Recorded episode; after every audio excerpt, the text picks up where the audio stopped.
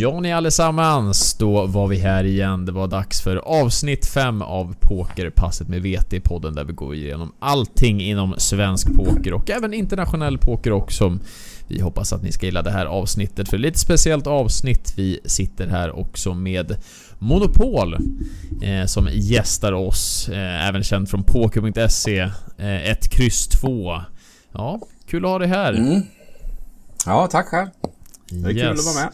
Eh, Daniel också här vid min sida men Roben han fick, eh, ja han fick gå åt sidan idag för att göra plats för Monopol så Vi tänkte att vi skulle gå igenom lite, lite kring eh, Monopols pokerhistoria Lite om hans liv, vad han gör inom den svenska pokerscenen och förhoppningsvis även lite olika historier också som han kommer dra så Vi kan väl säga så Monopol, berätta lite om vem du är och vad du gör vad heter du ja. på riktigt? Per Andersson heter jag. Ja, eh, men eh, ja, vem är jag? Jag, är, jag bor i Skara, har gjort hela mitt liv. Jag eh, är väl närmar mig så mycket gubbe man kan göra. Jag är 48 i år så att tiden rinner på. Mm. Jag har två barn, en dotter som är 16 och som har gjort mig gråhårig och en son som är 11 som jag typ aldrig ser. Han är bara ute och spelar bandy och fotboll. Och... Så att, eh, ja, nej det rullar på. Eh, annars så... Eh, ja, nej, det är väl det. Härligt. Härligt. Och eh, tänkte också lite rent pokermässigt för pokern är väl ett utav dina större intressen eller åtminstone har varit. Vi har ju dragit en hel del battles på Svenska Spel bland annat under åren och ja, man har sett dig varit där under en lång tid så du kan väl berätta lite också om din, eh, om din pokerhistoria. Lite hur du startade och när du började och ja. hur du kom igång. Alltså jag började ju spela poker långt innan själva pokerboomen men då var det ju... Vi spelade... Vi var väl lite före våran tid kan man säga för vi... Eh, jag hade ju biljardhall när jag var yngre jag var 19 så köpte jag en miljardhall som jag drev. Eh, och eh, då spelade vi ofta poker på kvällarna där, men då var det 32 korts poker. Alltså ungefär som 6 plus Hold'em kan man säga idag då. Fast vi spelar med knäcktöppning. Så man tog bort 2, 3, 4, 5, 6 och så spelar man fyra man och så var, det, var man tvungen att ha ett par knäckta för att öppna dem minst. Um, och eh, vad vi gjorde var att vi, jag stod på jobbet och kopierade 100 lappar, 50 lappar, 20 lappar som vi använde som istället för marker då. Det fanns ju inga marker ah, på den okay. tiden. Så vi hade liksom kopierade pengar och så fick man köpa in sig. Det blev som en turnering då. Man fick köpa in sig för 200 och så fick man 10 000 i kopierade sedlar då. Och sen var det liksom så spelade man till en person hade allt i princip. Så att det var ju ah. ungefär som en turnering. Och så spelade vi alltid varje julafton. Spelade vi alltid Eh, efter alla hade firat jul och sådär så brukade vi spela julpoker. Och det var alltid samma personer som vann varje år. Det var jag eller Christian. Eh, så att eh, det, intresset började väl redan då. Och sen så kom ju Holden. Började spela 2003 tror jag. Och började väl spela lite på nätet sådär på, på partypoker och multipoker. Men det slog väl inte riktigt. Uh, nej, Pokerstar spelade jag inte alls på. Nej, okej. Okay. Mm. Det var bara partypoker och multipoker och så lite de här Paradise Poker och de här uh, lite... B2B-nätverken var jag inte så mycket på. Jag trivdes aldrig riktigt där. Nej. Men... Alltså nätet överlag var ganska så Eh, lugnt för mig. Det var liksom så här någon helg när man... Eh, för jag spelar nästan uteslutande livepoker. Eh, speciellt när kasinot hade öppnat där. Och sen hade vi en klubb i Falköping som... Som jag var på i stort sett varje fredag. Och spelade då. Så att det var mycket livepoker. Online började inte jag spela egentligen på Svenska Spel så jätte... Intensivt förrän 2017 kanske eller något sånt där. Jaha. 2017, 2018, någonting i den stilen. Mm. Uh, vet inte, jag, jag, det syns rätt väl på min uh, graf på Sharkscope. Man ser liksom att det är ingenting, ingenting, ingenting och sen börjar det någon gång där vi... För det var så här, jag, jag, blev, jag jobbade på Scan i många år tidigare då. Och eh, när man jobbade där så var det liksom, då jobbade jag och så spelade jag livepoker. Och sen eh, blev jag uppsagd, nej inte 17, 2015. Det var nog årsskiftet där, 15, 16 tror jag. Då började jag, för då, då blev jag uppsagd från Skan och då tänkte jag nu ska jag spela poker på heltid. Så då började jag spela poker på heltid 2016 där. Och då började det ju typ ja, när man kunde spela på heltid så, så började det gå lite bättre. Men man blev ju helt eh, asocial. Alltså, då hade jag ju också eh, min son är född 2012. Så att det var ju alltså... Ja, man hade små barn och sådär och man blev liksom, man satt och spelade hela nätterna och man, jag fick liksom inget socialt liv överhuvudtaget så att... Mm. Nej, det var ingenting för mig märkte jag eh, sådär. Eh, så att man ökar väl lite mer. Då var ju klubbpokerscenen ganska stor så man åkte ju runt här i här omkring och spelade livepoker mycket då.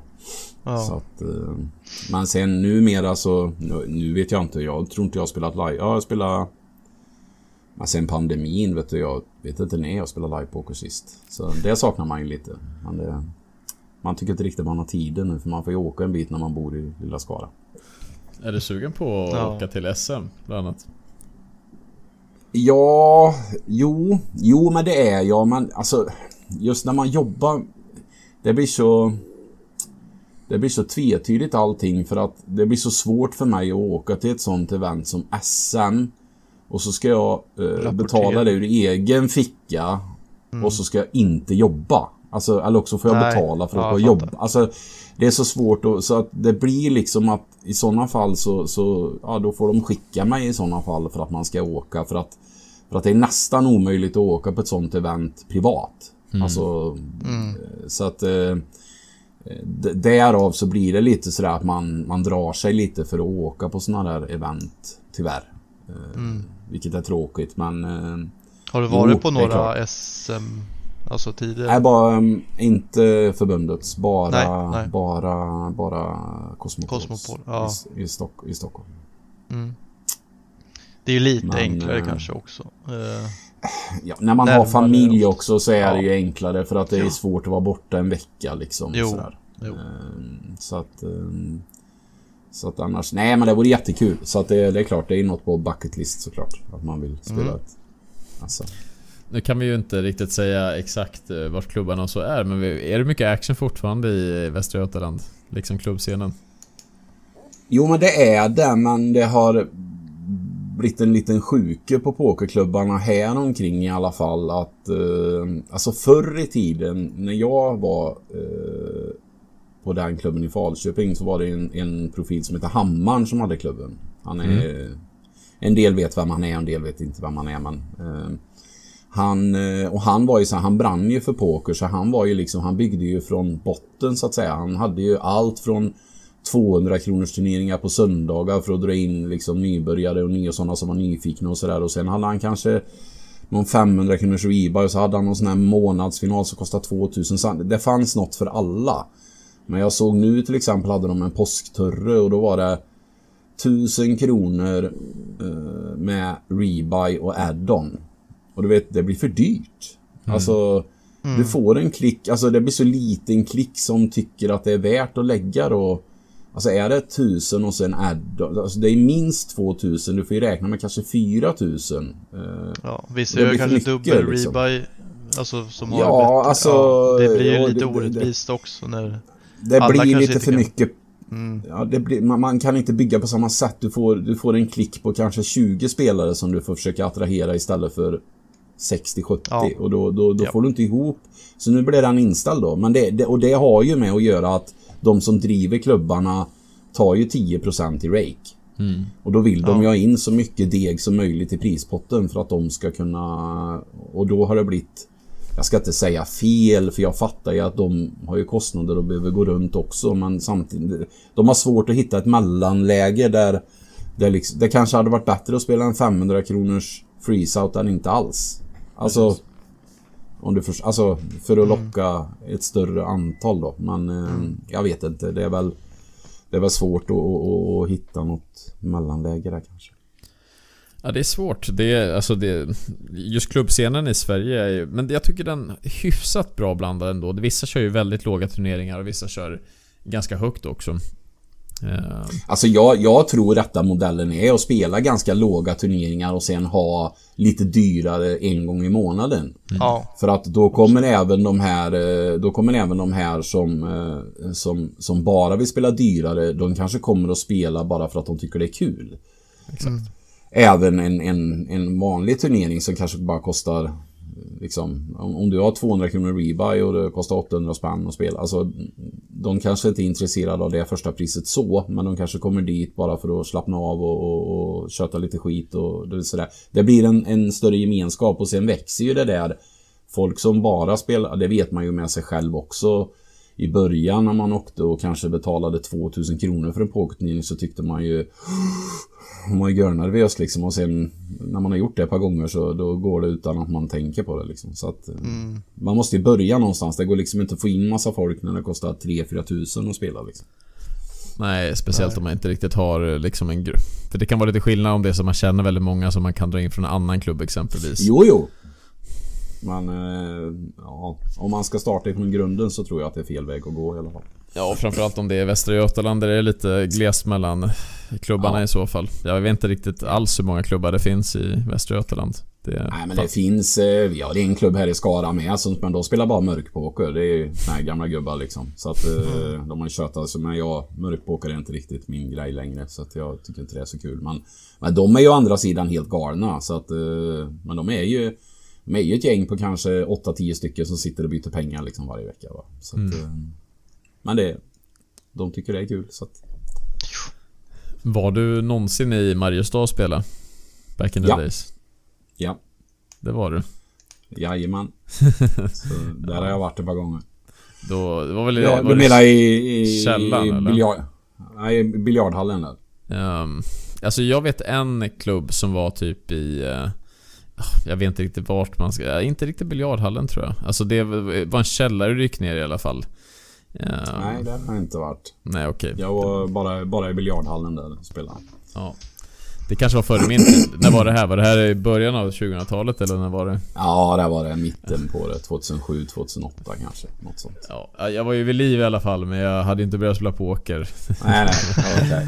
Eh, så det ja. kanske hade flyttats då, men ja, det är spännande. Det är i alla fall därifrån som jag är uh, uppvuxen. Så där har man, det var där man började spela poker med, med alla möjliga personer. Ja. Fantastiskt. Jag kommer inte ihåg exakt vad de heter, men det fanns ju ett gäng, finns ju ett gäng på Mariestad som spelar fortfarande, så några av dem är ju rätt duktiga där. Um... Spelar du med Johan? Eriksson? Ja. Uh, nej, kommer jag inte ihåg. Nej. Jag, ja, men jag är så jävla dålig på namn också vet du. Jag, fan, jag kommer inte ens ihåg eh, Jag kommer inte ens ihåg barnas dagisfröknar efter åtta år på dagis liksom vad de heter. Kallar dem för hon la mörkhåriga och sådär. Jag jättedålig på namn. Ja, det... Nej, men det, nej, men det var en kul tid såklart. Men eh, den kommer nog inte riktigt tillbaka, det tror jag inte. Nej, nej det är väl lite svårt. Och allt det där med familj och allting, det är också väldigt annorlunda. Jag vet ju själv, eller mm. hur det hade varit. Nu när man liksom inte har något förhållande eller så, så man kan lägga enormt mycket mer tid på, på pokern vad man kunde göra förut. Och mm. tänka lite mer på sig själv. Så det, det är väldigt, väldigt annorlunda. Än att ha familj och mm. allting också. Mm. Um, suveränt, suveränt. Um, Någonting som jag, som vi ställt till egentligen alla våra gäster som, som varit med. Eh, du som spelat poker ett tag eh, och inte varit med ända sedan i början. Eh, om du hade haft all kunskap som du har nu, vad är det som du skulle vilja vetat när du började spela poker? Som du känner till nu? En ganska svår fråga men jag tycker den är väldigt intressant. Jag tror hans kamera har säkrat ihop lite. Nej, den funkar. Nej, okej. Okay. Ja, då är det bara för mig.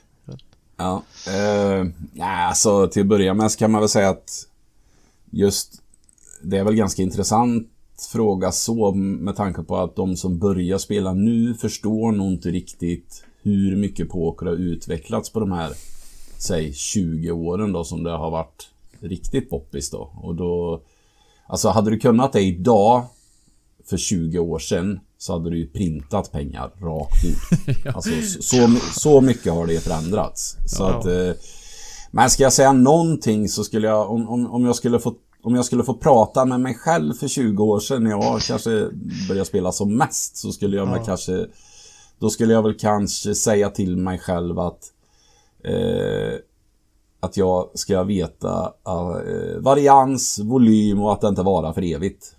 Mm. Mm.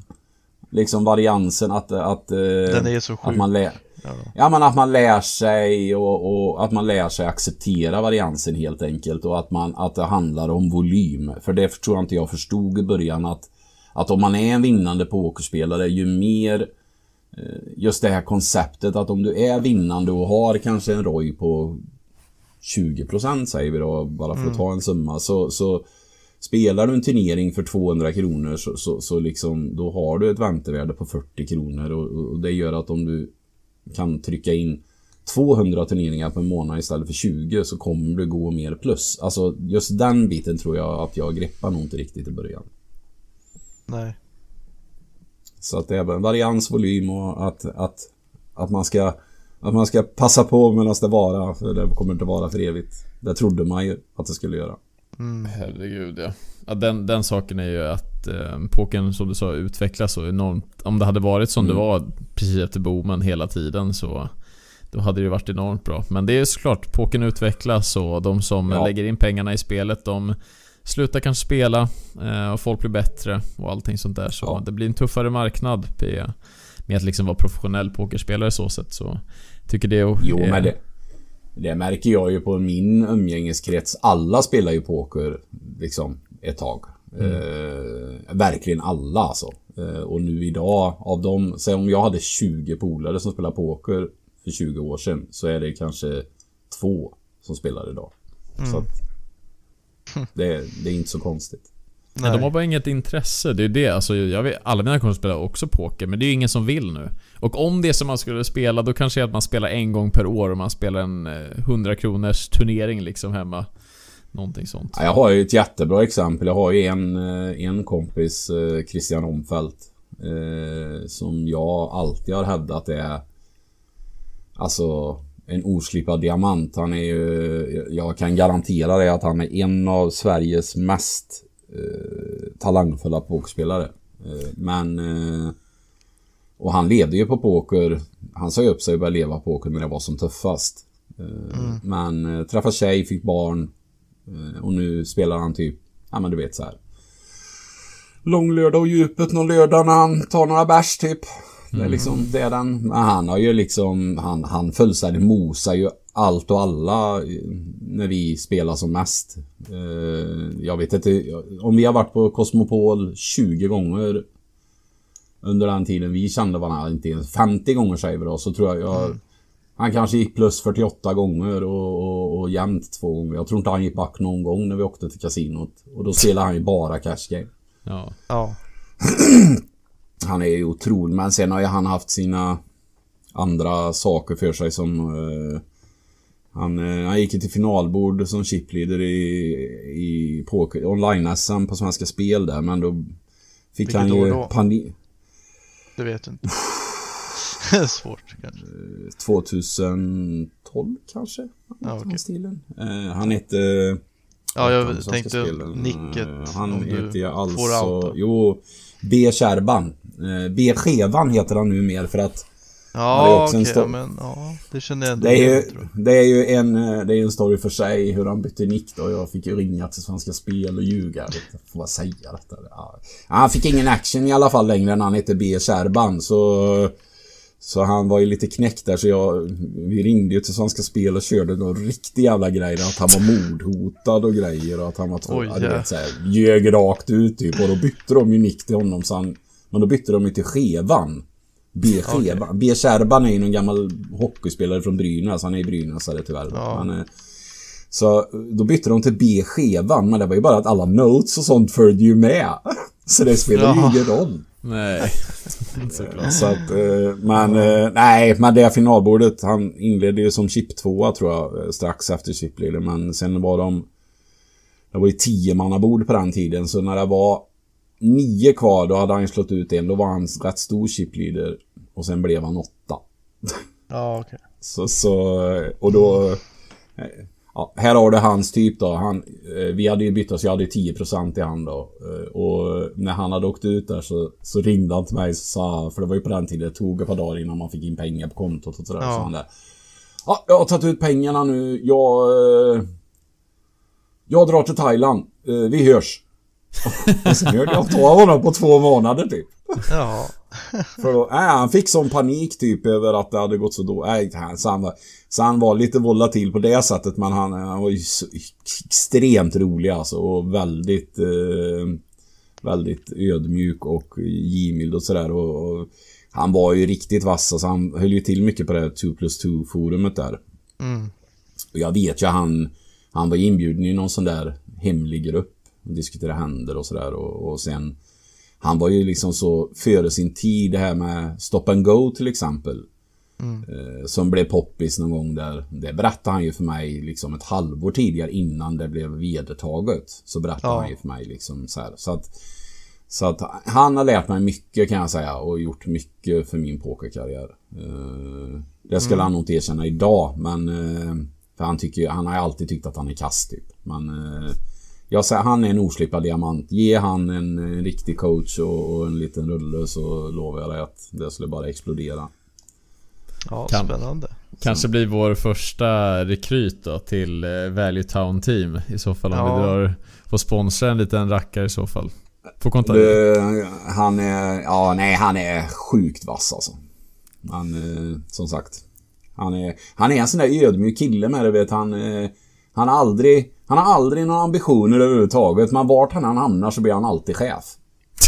Det är liksom... Ja. Jag hjälpte, efter han jobbade heltid, eh, eller eftersom han spelade poker på heltid så, så hjälpte jag han att få jobb på Jula här i stan.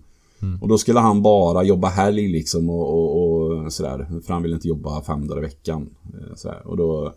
Nej, nu är han typ eh, helgansvarig för hela helgskiftet. det, det kvittar vad han gör så är han liksom... Det, det, är bara, det är bara att rulla på för honom liksom. Så att han... Mm. Nej, otroligt trevlig kille faktiskt. Jula har väl sitt huvudlager i Skara också eller? Är det inte så? Ja, ja, ja. Ja.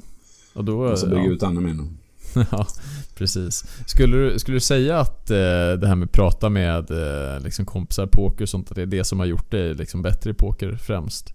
Eller är det någonting annat som du känner gör mer?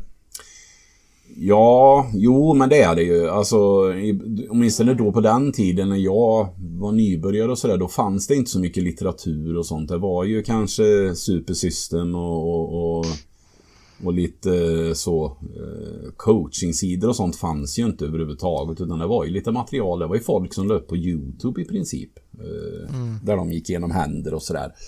Så det var ju mycket diskutera händer oss oss emellan som gjorde att man utvecklades. Men sen på senare år så... Jag vet att jag fick en nytändning när jag började titta på uh, Lex Veldhouse när han streamade. Mm. mm. När han var ny. Uh, för han var en liten idol sen... Uh, jag vet inte om ni har sett det klippet på YouTube men uh, Crushes Souls. När han bluffar samma kille via sopor. Via sopor ja, och sen slår han ut honom. Åtta gånger. Ja, så här. Nej men så han har alltid varit en liten idol sådär och då... Ehm, så då började jag titta på han när han streama och liksom lyssna på hans sätt att tänka och sådär. För han var ju väldigt öppen med sitt spel i början. Eh, hur han tänkte mm. och varför och så vidare. Och då gick man vidare från det och sen började man lyssna lite på Doug Polk när han började eh, sända då liksom och titta mm. på han, hur han tänkte och så vidare. Och så, och så liksom försökte man testa sig fram själv då eh, lite sådär. Så jag vet ett tag så att jag spelat bara eh, typ 3 dollars och 5 dollars turneringar på Pokerstars för jag ville vänja mig vid de stora fälten typ. Mm. Och så ja. testa sådana där saker. Så sådana grejer har man ju gjort mycket eh, själv så. För man har inte haft så mycket mycket liksom mm, ja men sånt som man kanske får gratis idag. Fick man inte förut. Ja, nej, men det är det jag säger liksom att jag kan också uppskatta och sitta och titta på duktiga Twitch-streamers. Även fast jag liksom streamar själv och, och har mitt egna spel. Men jag tror man kan lära så mycket bara att titta på en Twitch-stream eller en, ett YouTube-klipp. Och Alltså där är en Absolut. bra start skulle jag säga om man är ny, ny till poker liksom. För att det är Ja, och jag gratis. tror även, även om du liksom har ett par år på nacken inom poker så, så, så är det så här. Även om du inte lär dig någonting nytt så kan du få Mm. aha-upplevelser. Alltså, ja just det. Du Mm. vet, sådana grejer kan man få. Liksom. Så att... Eh, eh, ja, jag tror det är... Jag, alltså, man, man måste hålla sig ajour liksom. Det går inte annars. Det är liksom... Nej. Så att eh, jag tror även om man har ett par år på nacken så tror jag inte alls det skadar och, och, och repetera vissa saker liksom så att man får tillbaka sin, sin stomme eller ja, sin grund att stå på liksom. Jo. Man blir rostig så snabbt i poker också. Jo men det. exakt. Mm. Om man är borta ett år så missar man allting. Man glömmer bort liksom alla alla ranger om det som man har sånt. Man Ja. glömmer bort sitt spel och det är som du säger, Ja. man behöver bli påmind om saker och liksom få de här aha-upplevelserna. Just ja, det var så här det var. Eller oj, så det där... Ja, det har jag hört förut men det hade jag glömt bort så. Ja exakt. Nu- Och sen nu tror jag det är Ja. extremt viktigt när man, eh, när man, eh, när man går dåligt. Att man, att man har ett, en, en grund att falla tillbaka på som man, som man känner sig trygg i. Eh, För att liksom hitta vändningen då så att säga. För alltså det, det är också någonting som man bara måste acceptera. Ingen vinner ju jämt liksom. Man, man måste ju acceptera att man kommer gå back liksom.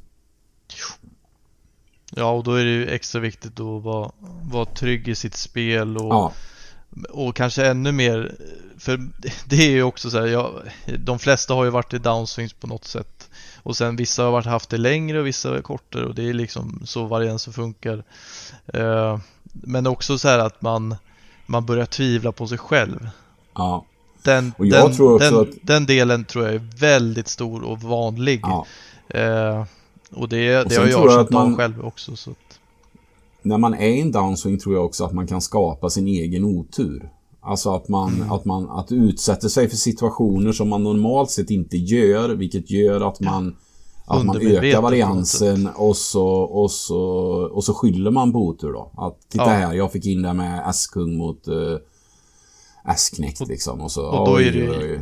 då är det jättebra att kunna bolla med någon annan pokerspelare Ja, i, i, i, eh, i samma kaliber eller kanske ännu bättre. Då är det ännu bättre. Och Mm. se liksom spela in en session i OBS eller någonting eller låta Ja. han sitta och titta med om man typ gör stora misstag. För att jag tror Mm. att man verkligen kan hamna, hamna lite fel. Nej men det, det kan vara små grejer. Det kan vara liksom Ja. sådana saker som att när du, är- när du är i, när du har dåligt självförtroende. Säg att du kanske har eh, 9-9 big blind och så, och så när du är i zonen så, Mm. så flättar du en race och när du är osäker så går du all in. Och så, Ja. alltså bara en sån grej kan ju vara kan ju, du kanske gör sådana felbeslut som, som kanske inte är felbeslut men som kanske är väldigt varianskrävande istället då som gör att Ja. om du hade gjort på något annat sätt så kanske du hade vänt den där trenden lite snabbare då. Mm, mm, Så att, verkligen, jag håller med.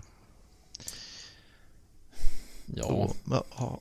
Känner du, eller har du haft någon downswing på det sättet? Alltså så här, eller som du minns Det- riktigt rejält liksom? Nej, det har jag nog. Jag, jag tror Jag jag... kollar grafen här på Sharkscope och det, det ser ju Ja, stabilt nej men jag... Ja, nej men jag, jag tror jag lärde mig av min pappa att... För han sa till mig att... För länge sedan när han hade med trav, då sa han alltid till mig så här... Man måste vila sig i form, han. Och det tror jag är ett bra... Det, tror jag, det tror jag är ett bra tips. Att när det går riktigt dåligt, ta ett break. Ja, Ta ett break Verkligen. och börja om Ja. på lite lägre nivåer. För alltså hitta, hitta glädjen igen liksom. Ja. För alltså det är roligt att vinna en 50 kronors större också. Om man inte Ja. har, om man har gått riktigt jävla dåligt så är det liksom. Jag har ju en sån, jag spelar ju alltid den där 50 kronors Omaha-turren på Svenska Spel Mm. som är halv tio bara för att jag tycker det är kul. japp, Eh, och det är liksom avkoppling för mig. Det är som att titta på en serie eller vad som helst. Ja. Alltså, eh, och sen har jag liksom en grej då att det jag vinner vänder jag på någonting i NHL sen på natten. Liksom. Ja. Ja, så men att, det är ju ja, men det är bara, det är bara en Ja. grej liksom för att jag tycker att det är kul. Så att... ehm, så att eh, jag, glädjen tror jag, det är det viktigaste. Det får inte bara bli ett måste. Och det är väldigt lätt att det blir det. Speciellt om man spelar på heltid. Det blir en press och det blir en... en eh, liksom, och då, då bränner du ut dig. Då, du kommer aldrig hålla i längden om du inte liksom tycker att det är kul. Nej, nej det är ju viktigt.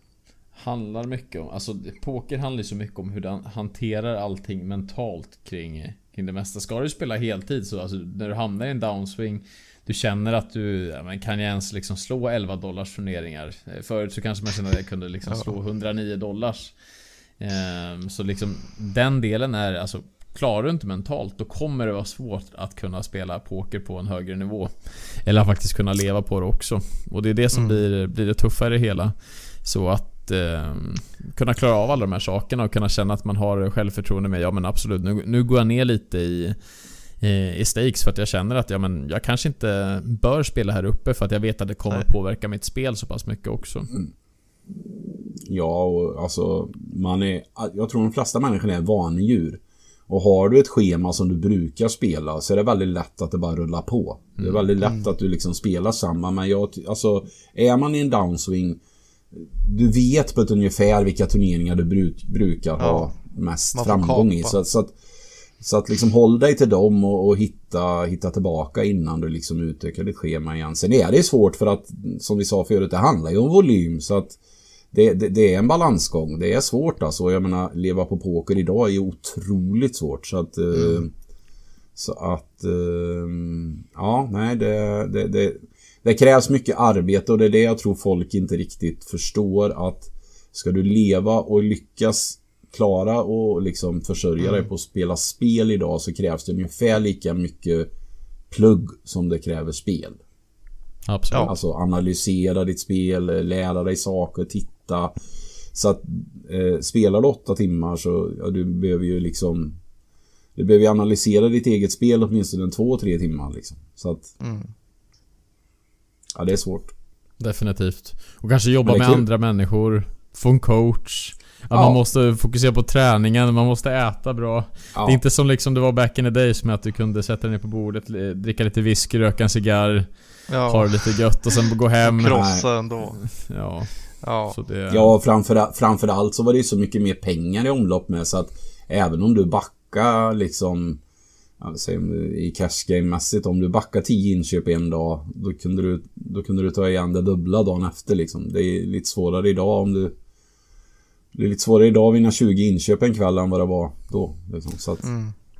Och all rakeback och allting som var liksom ja. förr i tiden. Det fanns mycket bättre deals också med att man, ja, ja. man i princip liksom gå break-even men sen fick du tillbaka liksom rakeback och det var det som du levde på.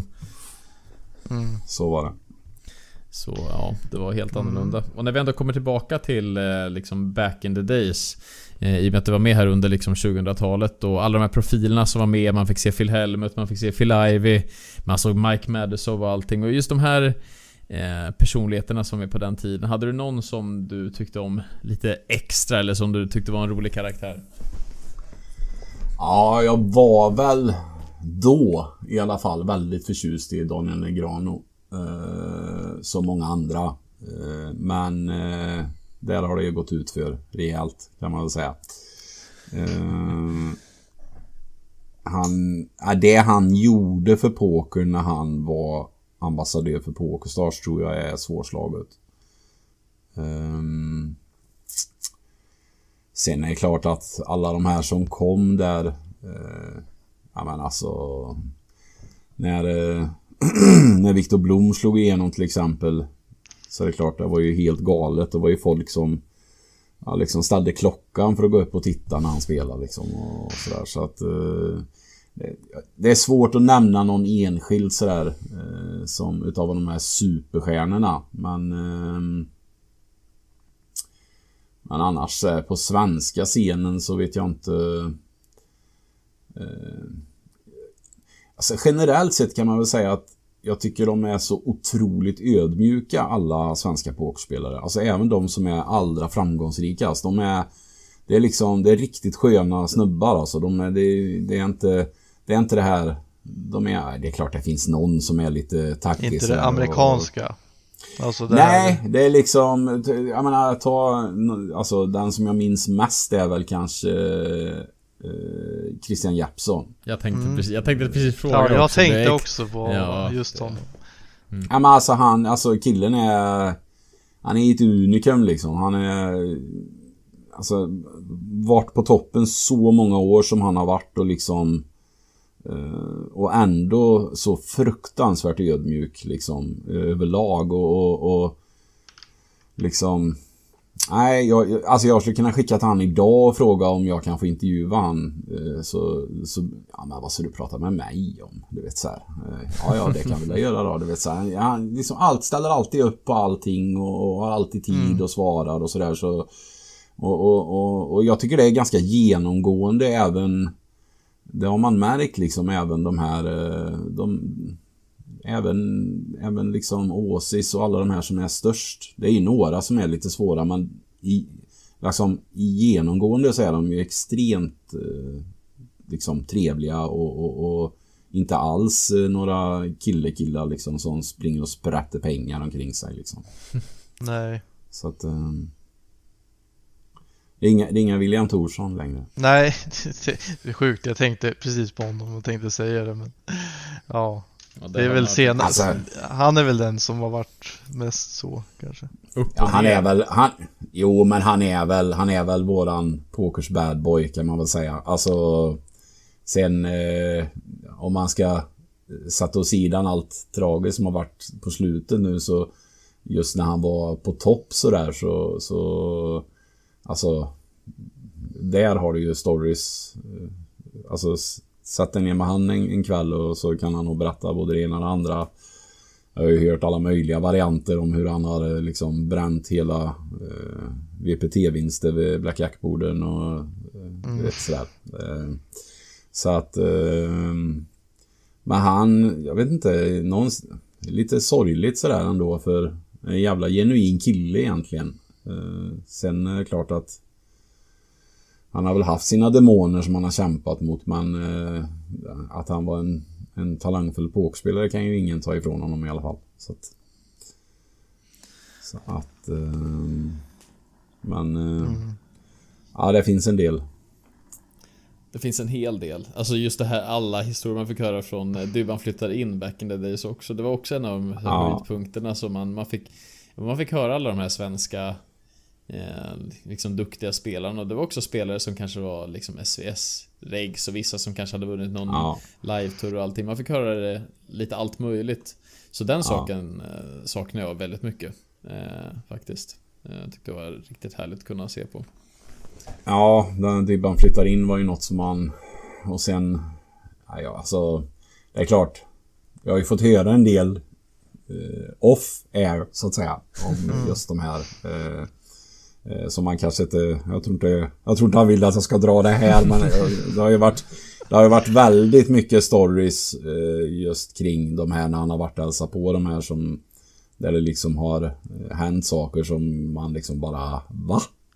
Så, här, så att, så att jag tror att det finns nog en marknad för det. Det skulle nog vara kul om man tog upp den bollen igen. Kör en Dybban flyttar in 2.0 eller någonting. Ja, jag hade ju... Jag sa ju till honom i alla år att jag ville göra en Dybban flyttar in. Att jag ville flytta in hos honom. Ja. Ah. Eh, ja, där men det, det blev aldrig av tyvärr. Men, eh, ja, men det hade varit kul så att eh, det kanske man skulle göra en sån. Mm. Eh, Monopol flyttar in hos Dybban. Alltså, Bara för att ja. se hur han... Du kan ju ta över den manteln känner jag. Man skulle behöva ha någon, någon Dybban igen som liksom... Eh, ja, som gör jo. på det sättet faktiskt. Någon som brinner för poker på det sättet och liksom anammar just de här eh, proffsen som vi har. För det har ju hänt en hel del. Alltså det har bytts ut ganska mycket eh, nytt folk. De, de som är duktiga nu, de svenskarna, de kanske inte spelade förr och de som var duktiga förr, de kanske inte spelar nu. Så bara få se Nej. den scenen. Det tror jag hade gjort jättemycket. För svensk poker ja. i alla fall. Ja. Det hade varit otroligt kul. Det är bara... Han hade, han, han hade lite annorlunda budget bara. ja, ja förstås. Ja. Svenska spel eh, var ju oändligt djup kassa där. Eh, speciellt på den tiden också. De kunde ju kasta pengar efter dig.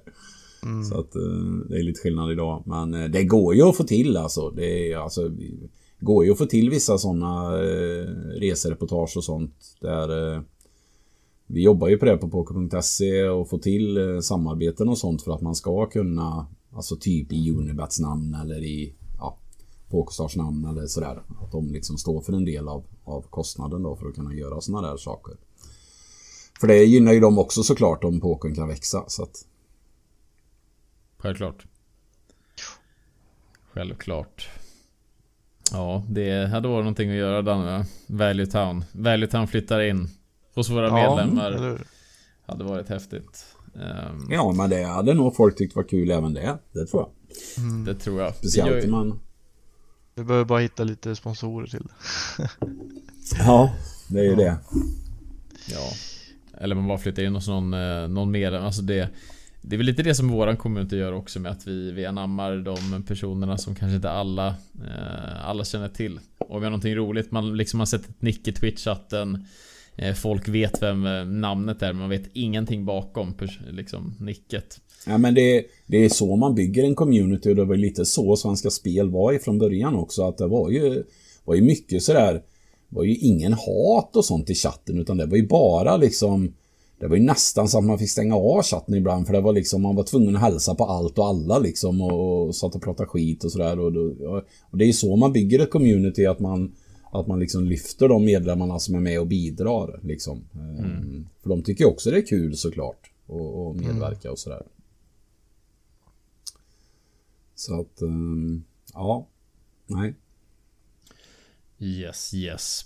Ehm, en fråga som jag tänkte komma in på förut, eh, som inte riktigt hann där. Men eh, just det här med live-scenen. Vilka så stora torer och sånt har du varit på? Oj. eh, ja, nej men det är samma där. Jag fick ju mitt första barn 2007. Eh, så att eh, enda egentligen som jag har varit på, jag är nästan uteslutande varit på Casino Cosmopol. Och sen har jag varit på EPT i Köpenhamn. Det är väl typ det. Eh, kul story i och för sig när vi var på EPT i Köpenhamn där var ju Satt vi och käkade frukost med han som vann EPT, den eh, amerikanen där. Eh, Visste inte ens att han var på finalbord. så här, vi hade varit ute och festat hela natten och så var ju Hammaren, just han Hammaren från Falköping, han vann ju något sidoevent där. Eh, så var det så sent på natten så kasinot liksom hade börjat stänga ner och så när han skulle få prispengarna så fick han gå in i köket bland alla kastruller och grejer och fick ett kuvert bara. Då hade de redan dratt av dricks till, eh, bara tagit 10% liksom. Rakt av. Utav prispengarna. det är ju helt sjukt. Gå in i köket och hämta pengarna. Ja, ja, ja. Herregud. Ja, man, är, man har ju hört och sett sjuka saker men Gå in i köket och hämta prispengarna. På en EPT Mm, ja, nej, Köpenhamn. Ja, Ja, ja, det kändes ja, det var seriöst. Nej, det var inte det var ett sidoevent alltså. Ja, men, okej. eh, Ja. Men ändå. Det var, jag tror det var för de hade stängt ner liksom, så de hade lagt i en påse redan. eh, Alla pengar och så mm, liksom när vi kommer upp och han beräknar så bara vad fan, vad är detta? Det fattas ju pengar liksom. Så de dricksar sig Ja, riktigt. själva. Ja, det var riktigt sjukt alltså. Ja, ja. Ja, Ja, alltså Köpenhamn. Jag har varit där och spelat någon gång. Eh, Jag vet inte, de kanske har fler kasinon men... Um, EPT-gården, det måste varit länge sedan det gick en EPT Ja, det var länge sedan. Ja, det var länge sedan. De har ju krympt den där touren rejält. Men... Eh, jag vet bara, jag vet, det var likadant. Jag spelade roulette vet jag någon kväll där. Så låg jag väl kanske så här, ja, men säg tusen danska backar eller någonting så. Och så vann jag ett par hundra typ på någonting, jag kommer inte ihåg. Eh, Så jag låg ju fortfarande back liksom. Men eh, hon vägrade ju snurra kulan för att jag dricksa.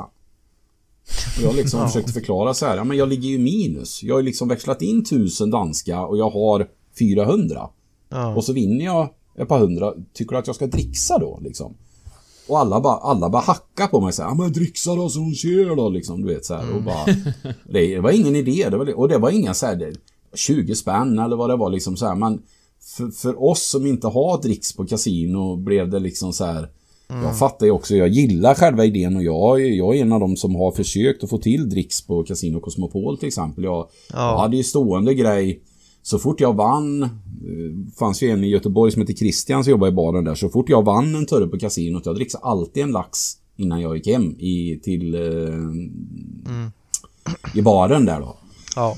Eh, och, eh, och då fick man ju service därefter också. Det, varje gång jag kom till kasinot i Göteborg när han jobbade, jag behövde inte säga någonting. Så fort jag satte mig ner vid bordet så tog det liksom 30 sekunder så stod det en Red Bull där liksom. Så att... Eh, Så de var ju... De, man fick ju igen någonting menar jag. Ja, ja. de Nej, men var exakt. liksom, Så att... Eh, så de... Eh, men där... Nej, så där... Dit åker jag nog inte mer, tror jag inte.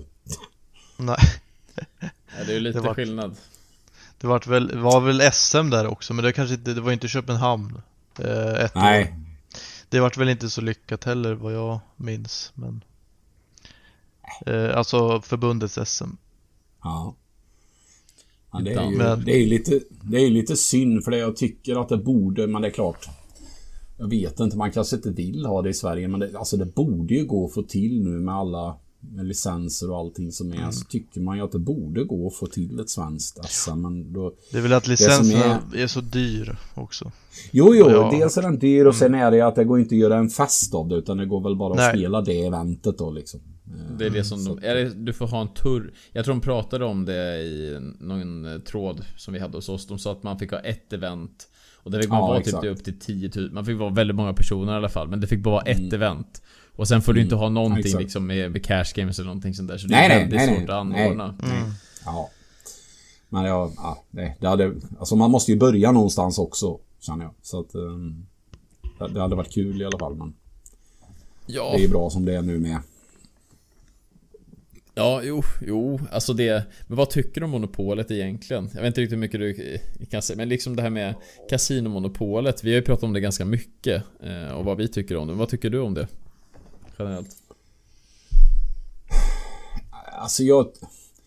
Jag tycker väl eh, själva kasinomonopolet tycker jag inte är så konstigt i sig. För eh, jag tror att det skulle, skulle man få öppna kasinon till höger och vänster och sådär. Eh, så tror jag att det skulle locka till sig fel typ av... av eh, jag tror att det skulle nog vara ganska mycket kriminellt styrt. Mm. Eh, om man säger så. Eh, men eh, däremot största felet som är, är ju att de som stiftar lagar och som gör de här Alltså de som gör själva analyserna och själva liksom motioner och sånt och, och, och spelregleringar och sånt. De har ju kunskap men, men de som stiftar lagarna de kan ju inte applicera den informationen de får till så det är där det blir skevt att, att jag menar en sån som Shekarabi gick ut där och gjorde det här insättnings eh, under pandemin till exempel som var helt idiotiskt. Man liksom, för det fanns Ja, du kunde fortfarande sätta in 5000 kronor på 80 olika sidor. Vad spelar det för roll om du sätter in på samma sida eller om du sätter in på 80 olika? Det är där det brister liksom att, att, att de... Eh, sen tycker jag att eh, generellt sett det enda som är... Enda nackdelen med spel är ju att det finns folk som far illa. Eh, och, och då tycker jag att man börjar i fel ände för att du kommer aldrig någonsin kunna eh, begränsa antalet folk som far illa genom förbud.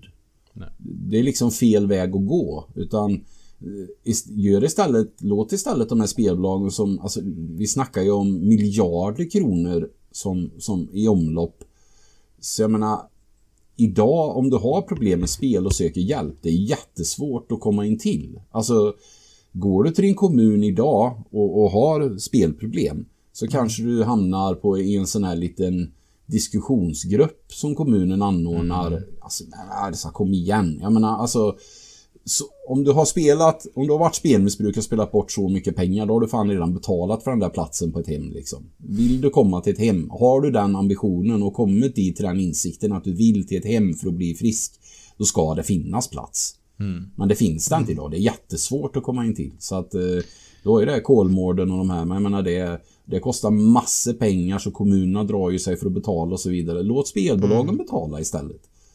Ja. Jag tror de skulle vilja, jag tror de är villiga att göra det ärligt talat. Jag tror, jag, jag tror de är villiga att avsätta pengar till en pott för, för sådana som är, som, som far illa av spel liksom. Så att det finns platser. Ja, den vägen tror jag man får gå. Så att eh, just monopolet i sig, för att svara på din fråga, tycker jag väl fyller en viss funktion. Men tyvärr så hamnar ju vi pokerspelare i kläm. Så tycker jag man kan, eh, så kan man sammanfatta det. det.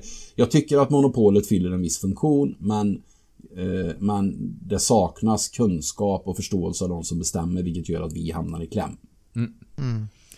Jag tycker det är ett bra svar. Vi har pratat lite om att det är lite geografisk diskriminering också med att man tog bort det här i Sundsvall även om de andra Ja, kasinerna gick väldigt bra så. Ja, För de som bor uppe i Norrland, det finns egentligen, alltså det är väldigt Alltså möjligheten att ta sig till Stockholm, det, är liksom, det kostar ju mycket som helst och Du Mm. kanske inte kan åka hela tiden så att haft kvar det här i Sundsvall Eller om det är så man kan flytta det till någon annan plats där liksom där Jag vet inte Jo men även om, vad fan låt det gå back då. De andra går ju plus liksom. Exakt. Så att jag menar, då får du väl dra in på något annat då så det går mindre back då. För att tillgängligheten, har man en monopol så har man ju ändå ett ansvar för att tillgängligheten ska finnas. Exakt, Mm. det är det som jag säger det är det jag säger. Vi ska bygga Value Town. Alltså en, vär, en hel stad.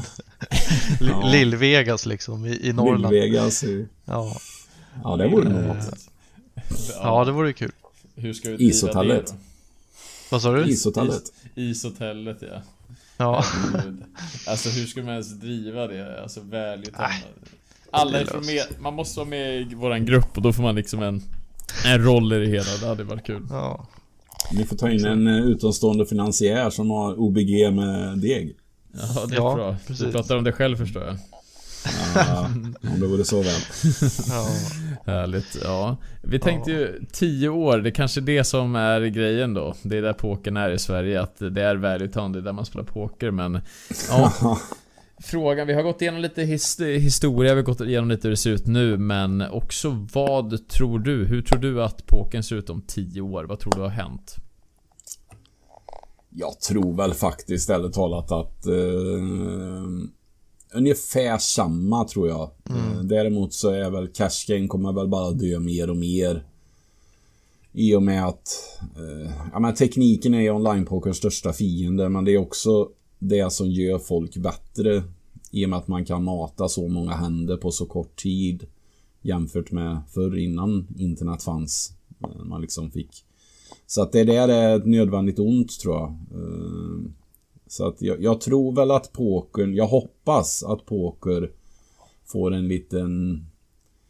eh, Alltså lite orolig är man väl för att folk ska lyssna på internet för att eh, alla såna här skandaler och sånt som kommer är ju tråkigt. Men nu har det ju liksom varit även live som det har varit tveksamheter eh, från och till vilket är tråkigt såklart. Så att men ehm, jag, det, just i Sverige så tror jag att det är ett stort problem att att poker har ett rykte av att det är liksom bara shady kriminella som spelar poker. Mm. Jämför med USA till exempel så är ju så är ju, ja men Greta 82 liksom åker till Vegas och spelar poker för hon tycker det är kul. Det är lite mer som bingo här i Sverige eller någonting. Alltså det är mer accepterat. Det är liksom inget smuts Nej. kastat på det sättet. Så att jag tror att kan man kan man på något sätt lyfta, alltså det är klart, skulle det ploppa upp lite pokerhallar och sådär eh, så skulle väl det, men det är väl jag vet inte, det är väl en utopi kanske men Det vore ju kul. Jag tänker nu när det finns licenser, det har ju ploppat upp en del ställen som driver liksom öppet. Mm. Eh, Men eh, det gäller ju att få det att flyga också. Men det är väl någonting som skulle kunna hjälpa till för att liksom legalisera poker ytterligare i Sverige. Så att, Ja. Vi får väl hoppas. Hoppas jag också. Fra- Det här med licensen som, som ändå erbjuder att eh, det kanske skulle kunna vara enklare att driva en klubb. Vad jag förstått det så ska det väl ändå vara ganska dyrt och ändå vara ganska Jo, tufft. det är det ju, men jag menar man måste ju, alltså Man får ju hoppas att den liksom på något sätt skrivs om och att det liksom eh, att, det, att, det, att det är en språngbräda för någonting som skulle kunna bli bättre i alla fall då. Yes. Eh, Men som sagt, då, då, då, krävs det mycket krafter Alltså gemensamma krafter för att få till en förändring. Då måste man ju, och där har man ju ett problem för pokerspelare är ju av naturen både lata och, och egoistiska. Så att, eh, att, lägga, att orka lägga tid på på sådana grejer. Det krävs ju lite eldsjälar och sådär. Eh, Och, och, ja. Det är svårt. Verkligen. Ja det är lite tufft, det är som det jag sa med tekniken, lite det här med AIs inträde i olika saker och det här med att folk blir duktigare på att använda verktyg för att kunna optimera sina beslut och så i poker också så man Man får väl se lite vad som händer. Vi gick bland annat igenom detta i avsnitt två av Pokerpasset med VT för de som vill lyssna. Nej förlåt, det var avsnitt tre. Eh, Mm. Så har vi lite det också. Så ja, det händer en hel del. Jag tror också att det kommer vara så att man kanske kommer ändra lite former av poker man spelar. att man kanske går över lite mer till... Folk Det kommer bara vara knackturneringar. Det är alltså, det jag- som är tragiskt. Ja. Alltså det, Det är det som är tragiskt. Men jag tror inte bara det. Jag tror att folk kommer liksom... Det här med fem kort som man har och sex kort som man har Ja. och allting. Folk kommer leta alla möjliga sätt till att liksom kunna... Kunna Det gambla. kommer och hit- gå... Det, det, det känns som det kommer gå mer bingo bingo. Alltså, det är så. Åt det hållet. Jag håller, jag håller med lite faktiskt. Det, jag, Mm. jag tror också att det är... Ju, mer, ju större turmoment det är desto, desto bredare tror Ja. jag att det blir tyvärr. Ehm, Mm. Så att... ehm, men får se. samtidigt är ju... Ja. No Limit Hold'em är ju alltid så populärt och är så lätt att lära sig också så att det kommer Ja. alltid vara stort. Tror jag. Det kommer det definitivt. Ehm, och sen kommer folk alltid spela live, folk kommer kunna spela på klubbar och allting sånt där också. Så det kommer ju förmodligen inte dö där utan det är väl online-scenen i det stora hela som Usch vad kommer- dystra vi var nu. Ja, Nej. Alltså, jag, jag kan om jag avsluta med någonting, någonting positivt så i alla fall. Jag tror att poker aldrig kommer dö på det sättet. Utan jag tror att det kommer vara den här höga nivån av pokern som kommer bli enormt mycket bättre. Folk som spelar No Limit Hold'em och spelar på väldigt hög nivå, där kommer konkurrensen vara väldigt, väldigt, väldigt stor. Jag tror att det är som att du spelar på lägre nivåer, du kanske väljer att spela på svenska spel. Man spelar mot de här som inte kommer studera lika mycket allting. Poken kommer fortfarande vara hyfsat, eh, hyfsat enkel. Eh, men såklart folk lär sig lite mer. Men så är det. Man, eh, som du sa i början där med att eh, pokern liksom kommer inte leva för evigt på det sättet utan man kommer behöva förändra sig lite. Kunna plocka upp lite nya saker och mm. kanske till och med prova ett, ett helt nytt spel. För det är det jag tror i alla fall att det kommer hända med pokern. Att det kommer utvecklas. För man kommer, ja, inte spela poker som man gjorde förr. Ja. jajamän. Så, snyggt. Ja, Mm. jag tror vi fick med, fick med det mesta i alla fall. Vi fick höra lite roliga historier, vi gick igenom lite frågor, vi fick höra lite vem Per är och vad han gör också. Ehm, och som du sa, det, du jobbar ju på poker.se, du jobbar på 1, X 2. Är det något mer? Trav.se också va? Är det så? Ja. Ja. Yes. Det är väl, eh, det är väl det kanske som är eh, just det här med, med, med pokerscenen överlag. Eh, Alltså när man, när man är skribent på poker.se som jag är så det är många som tycker kanske Varför skrev ni inte om det här? Och varför skrev ni inte om det här? Och du vet så här man Någonstans är det ju Alltså till exempel GG Poker är ju Vi rapporterar ju inte därifrån för att eh, Det ska ju drivas på något sätt också. Och, och, och, och om till exempel Unibet och, och Pokerstars betalar för att synas och så gör inte GG Poker det. Skulle du börja skriva om allt som händer på GG Poker så skulle ju inte de bli så glada. liksom. Då vill ju inte de här. Så att det där är en, en, en konstant balansgång mellan att vara eh, liksom eh, pokermedia som ska rapportera om allt som händer samtidigt som man ska hålla sina kunder nöjda då. Alltså för att överhuvudtaget kunna finnas kvar. Liksom. Så att eh, Mm. det är en stor balansgång, det är det. Men eh, vi gör så gott vi kan och jag tar jättegärna emot tips och sånt via sociala medier och sådär om det är någonting som ni tycker är... Det är bara att höra av er. Eh, Yes. Ja, Inga problem. Vart kan Och man hitta dig ju- ja. Var man hittar mig? Yes. Ja, var hittar man mig? Eh, Om man vill nå ut till dig på det sättet som du sa. Med att man vill tipsa Ja men alltså Per, per med e snabelapoker.se funkar alltid. Annars finns jag ju på Facebook och de här fina sidorna. ja, Så exakt. att eh, det är inga, inga... Jag står nog i telefonkatalogen med tror jag. Om Ja. Det finns någon sån Och sen- numera. Sen lär du väl även göra någon, eh, någon gäststream hos oss på någon EU, Ja, ja. EU-stream eller Ja, ja. liknande framöver. Så. Ja, ja. Jajamän. Eh, några känner ju säkert igen det också därifrån eftersom du har varit med förr. Ja. Så ja, det men grymt. Suveränt. Ja. Har du några avslutande ord Per? Eller ska vi runda av? Nej, jag... Nej, jag vill bara skicka en shout-out till min kollega Andreas då. Som är... Mm, just det. Som jag, om, ni är, om ni är intresserade av ishockey så in och följ honom på... Han heter Ice Cool Betting med Z på... ehm, på Twitter om ni gillar hockey. Jag har lärt mig oerhört mycket sen jag började jobba med honom. På...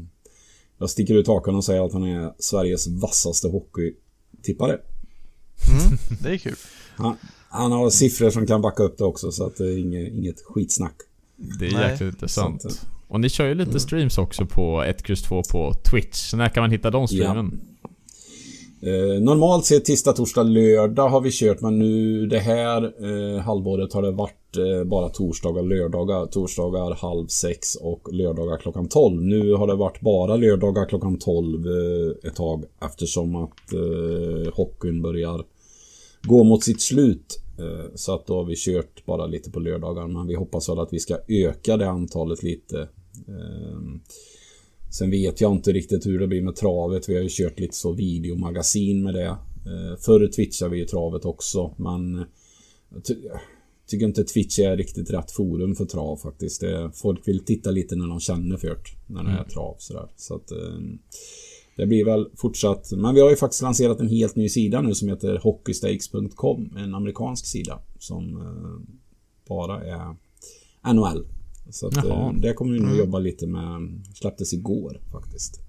Mm. Så att eh, det ska vi jobba lite med. Så att det finns en hel del framöver. Finns en hel del. Mycket roligt att höra. Vi gör så att vi rundar av allesammans och eh, tackar Per Monopol Andersson så otroligt mycket för att du deltog under avsnitt 5 av Pokerpasset med VT.